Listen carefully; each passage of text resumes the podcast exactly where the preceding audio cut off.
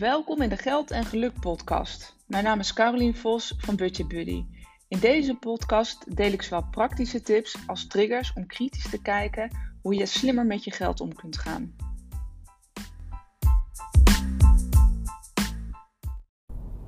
Hey, welkom in de Geld en Geluk podcast. Nou, vandaag wil ik graag wat met je delen.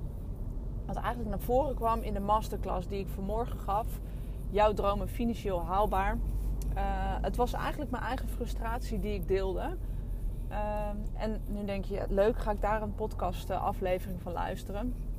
Maar het ging over het inzicht wat ik, uh, wat ik gaf en de vergelijking die ik maakte met geld sparen, geld overhouden en afvallen. Nou, misschien denk je nu, waar gaat, waar gaat deze podcast heen? Misschien wordt het ook een hele vage, dat weet ik niet. Dat zien we vanzelf wel.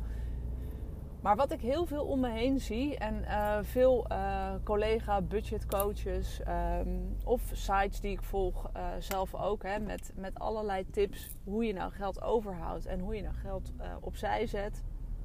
Eigenlijk 9, keer, 9 van de 10 keer wordt het antwoord gegeven: je moet zorgen voor inzicht en overzicht. Maak een Excelletje met al je inkomsten en uitgaven. En je ziet wat er inkomt, wat er uitgaat. En dan is eigenlijk je probleem opgelost. Nou, misschien heb je dit wel ook voorbij zien komen. Misschien doe je dit al. Heb je het, uh, uh, hou je al op die manier je inkomsten of uitgaven bij. Ik heb nog niet heel veel mensen gezien die dat ook daadwerkelijk in Excel doen. maar er zijn natuurlijk ook heel veel andere manieren om ehm, controle te houden op wat je uitgeeft. Zo heb ik bijvoorbeeld zelf een app van de ABN. Ik zit bij de ABN, dus daar heb je een, app die heet Grip. Uh, en die, daar, die categoriseert heel netjes alle uitgaven in de juiste categorieën. Dus eigenlijk creëer ik daarmee al voor mezelf een stuk overzicht. En zie ik inderdaad categorie boodschappen heel netjes wat ik heb uitgegeven. Um, categorie, uh, ik heb dan bijvoorbeeld ook uit eten slash restaurants. Omdat ik dat graag apart wil zien van mijn boodschappen om dat ook uh, uh, te managen en in de gaten te houden. Nou, dan categoriseert hij dat ook. Fantastisch natuurlijk. En uh, hè, dus je hebt, je hebt inderdaad een stuk overzicht. Alleen, dat wordt heel vaak als de oplossing gegeven voor jouw problemen.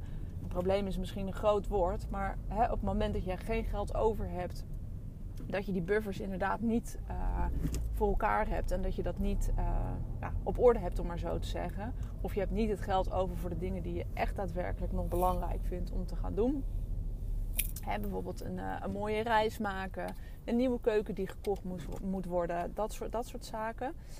Um, ja, dan is uiteindelijk in mijn ogen overzicht hebben totaal niet de oplossing voor nou ja, voor het probleem, om maar zo te zeggen. Want je kan nog zo'n mooi overzicht hebben. Al doe je dat inderdaad in zo'n app, wat ik net zei, van Grip of Diem of Dime, of hoe je het ook zegt. Dat is ook zo'n uh, Grip-app.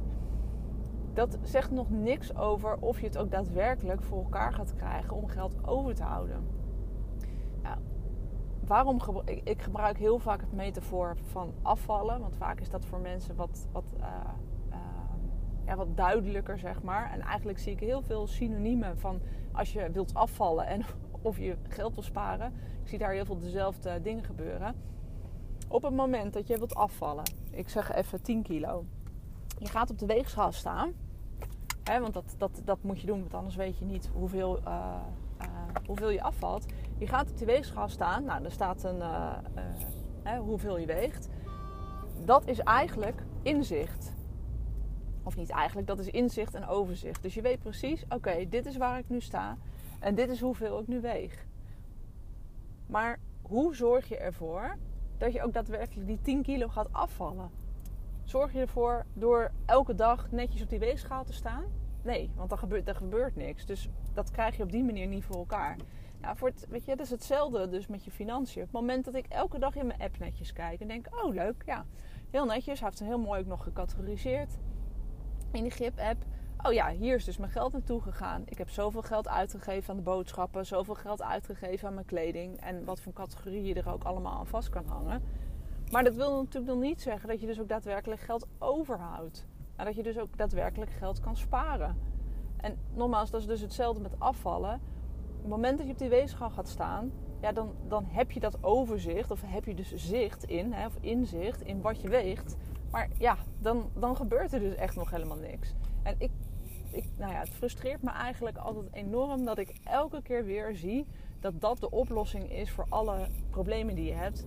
Ja, je hebt inzicht nodig. Want weet je, op het moment, ik noem dan bijvoorbeeld zo'n GIP-app, maar op het moment dat je helemaal niet weet waar je nu staat en waar je geld überhaupt naartoe gaat, ja, dan is het natuurlijk zeker handig om daar eerst mee te beginnen. Om te weten, hè, dan weet je ook wat je misschien moet doen.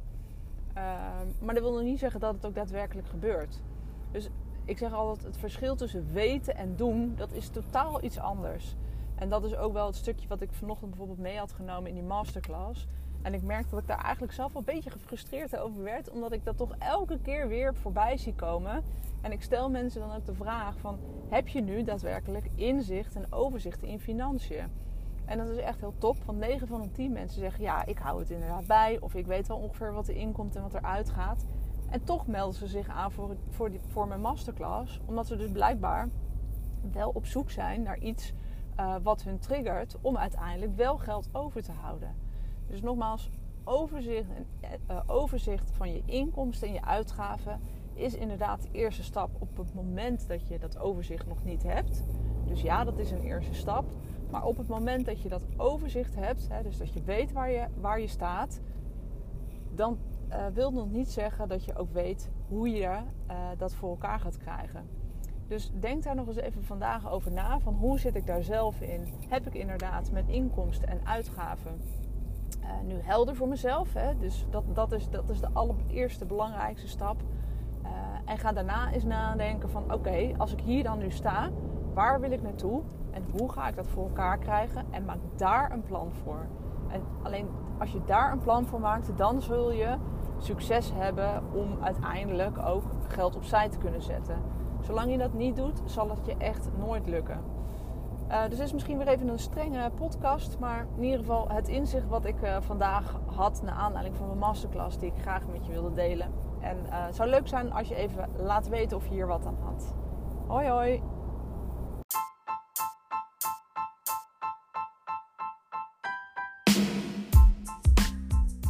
Ja, het zit er weer op. Een aflevering van de podcast Geld en Geluk. Bedankt voor het luisteren. Ik waardeer het altijd enorm. Wil je nog meer informatie of inspiratie hebben? Kijk dan op mijn website www.budgetbuddy.nl. Daar kun je onder andere mijn e-book downloaden, waar ik vijf gouden tips met je deel hoe je meer geld overhoudt om opzij te zetten. Of volg me op Instagram budgetbuddy.nl.